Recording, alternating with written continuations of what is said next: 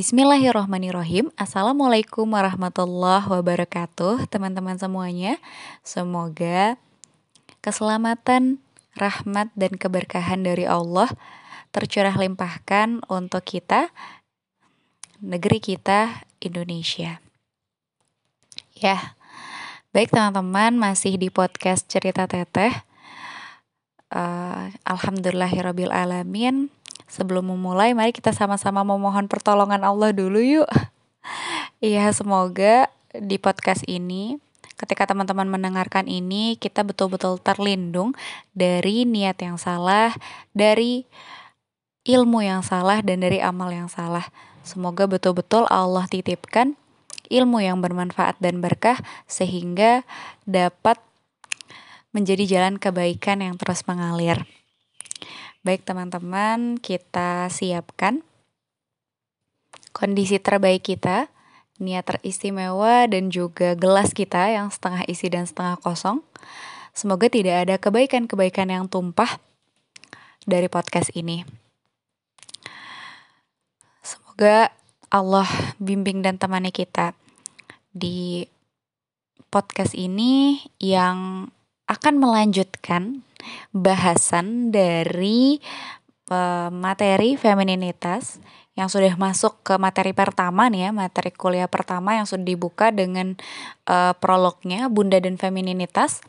Dan pada kesempatan kali ini sesuai spoilernya, insya Allah kita akan membahas bahasan dan isu yang relate banget sama kondisi kita saat ini yaitu maraknya LGBT karena kaburnya definisi peran gender ya bagaimana cara menyikapinya dan apa sih penyebabnya kita akan sama-sama maknai pada episode kali ini.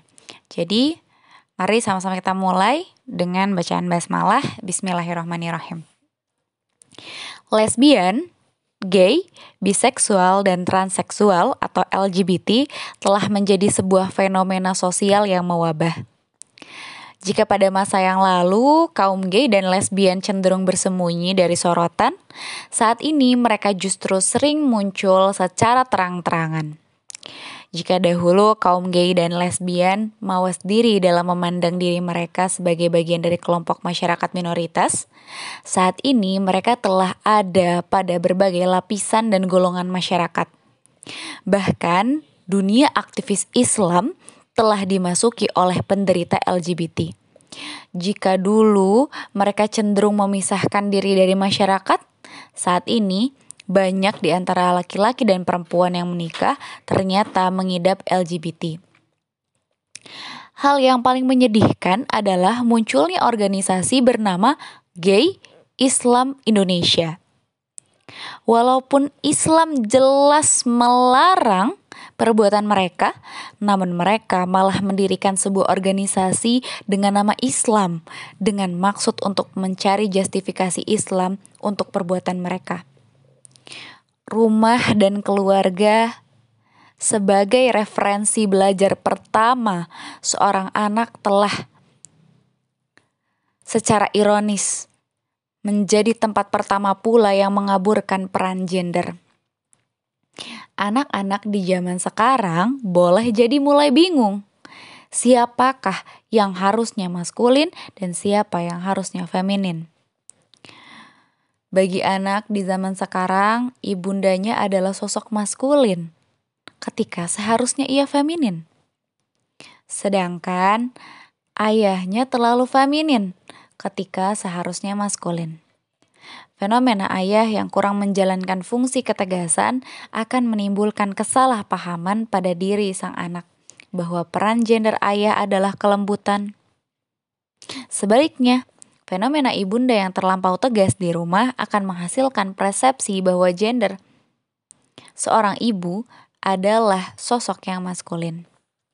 Kedua fenomena ini membangun definisi gender yang tidak jelas bagi anak, sehingga anak dibingungkan menetapkan identitas diri, gendernya sendiri.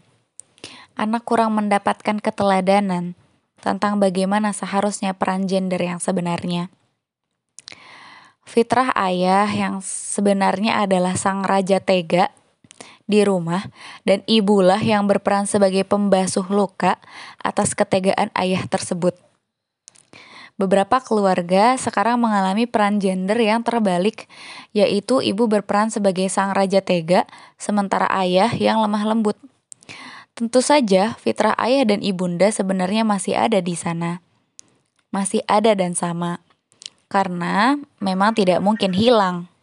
Namun, fitrah ini tertutup dan terkubur.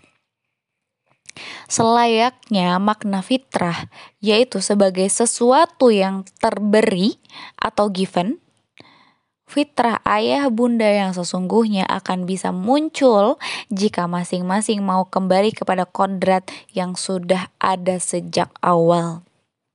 Cara mengembalikan fitrah sangat sederhana.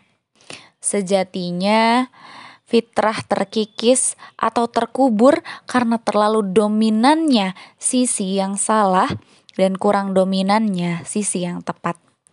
Maka laki-laki perlu berusaha untuk mengikis sisi feminin yang berlebihan.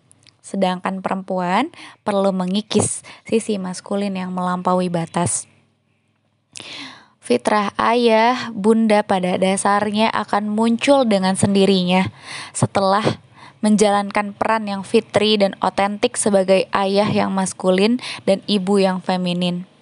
Salah satu kiat sederhana untuk menumbuhkan identitas gender yang fitri adalah dengan menetapkan cara berkomunikasi di rumah secara benar Misalnya, memanggil anak perempuan dengan lembut dan memanggil anak laki-laki dengan nada tegas.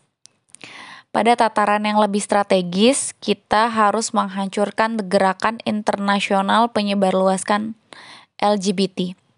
Kita perlu upayakan revitalisasi, rehabilitasi peran gender ini sesegera mungkin. Karena saat ini peningkatan kasus LGBT dapat terjadi dengan semakin mudahnya proses penularan penyimpangan tersebut. Modus penularan LGBT ditularkan dengan cara yang mudah, yaitu lewat tindakan seksual sodomi. Pengidap homoseksual meyakini bahwa apabila suatu area pada dubur laki-laki tersentuh oleh tindakan sodomi, maka sensasi yang tidak terlupakan akan menimbulkan efek adiktif oleh karena itu, kenyataannya nyaris 100% orang yang disodomi akan menjadi seorang homoseksual. Ketika pada saat ini banyak sekali kasus sodomi yang kita dapati, bahwa hampir tiap hari itu berarti hampir setiap hari bertambah penderita LGBT baru. Gerakan internasional penularan penularan LGBT sudah menjadi masalah serius bagi kita. Khususnya karena gerakan ini telah menargetkan Indonesia untuk menjadi negara muslim pertama yang melegalkan LGBT. Karenanya, kita harus turut berjuang agar jangan sampai hal ini terjadi. Ya, untuk episode kali ini mungkin cukup mencengangkan ya teman-teman. Ternyata LGBT itu bisa muncul cuman ya awalnya tuh gara-gara di rumahnya sendiri ya orang tua yang seharusnya memberikan keteladanan dan juga uh, per, berperan sesuai dengan gender bahwa ibu itu adalah sosok yang feminin dan ayah itu adalah sosok yang maskulin tapi sering kali peran ini tertukar. Sehingga anak-anak pun menganggapnya oh yang seperti itu yang benar gitu. Nah, kita yang hari ini mungkin masih menjadi seorang anak dan kalau misalnya kita mengalami hal tersebut dan kita tahu sudah tahu itu salah, apa yang harus kita lakukan? Yang harus kita lakukan adalah doakan kedua orang tua kita. Tidak perlu kita membenarkan harusnya seperti ini loh. Ya, harusnya seperti ini loh, Bu. Tidak perlu. Cukup kita maksimalkan bakti kita kepada orang tua kita. Kita maafkan kesalahan orang tua kita dan kita niatkan untuk ke depannya kita perbaiki. Kalau yang mendengar ini perempuan dan sekarang teman teman-teman adalah sosok yang sangat maskulin seperti aku dulu, aku sangat-sangat tomboy dan maskulin. Mari kita sama-sama perbaiki sisi femininitas kita dengan mengukus, meng mengikis, mengikis sisi dari maskulinitas kita. Dan sebaliknya, jika yang mendengarkan ini laki-laki, mari teman-teman yang terlalu lembut, kita kikis sisi femininnya dan silahkan dimaksimalkan sisi maskulinitasnya kita sama-sama belajar. Semoga Allah bisa membimbing kita agar yang kita lakukan itu bisa jadi jalan juga untuk menghentikan untuk menghentikan tersebar luasnya LGBT ini di Indonesia. Ya, ini bukan masalah yang main-main, teman-teman. Ini masalah yang serius dan ternyata salah satunya karena hal yang mungkin kita anggap sepele tapi ternyata ini menjadi akar masalahnya, why-nya, maka mari sama-sama kita perbaiki. Bismillah dulu, semoga Allah ridho. Wassalamualaikum warahmatullahi wabarakatuh.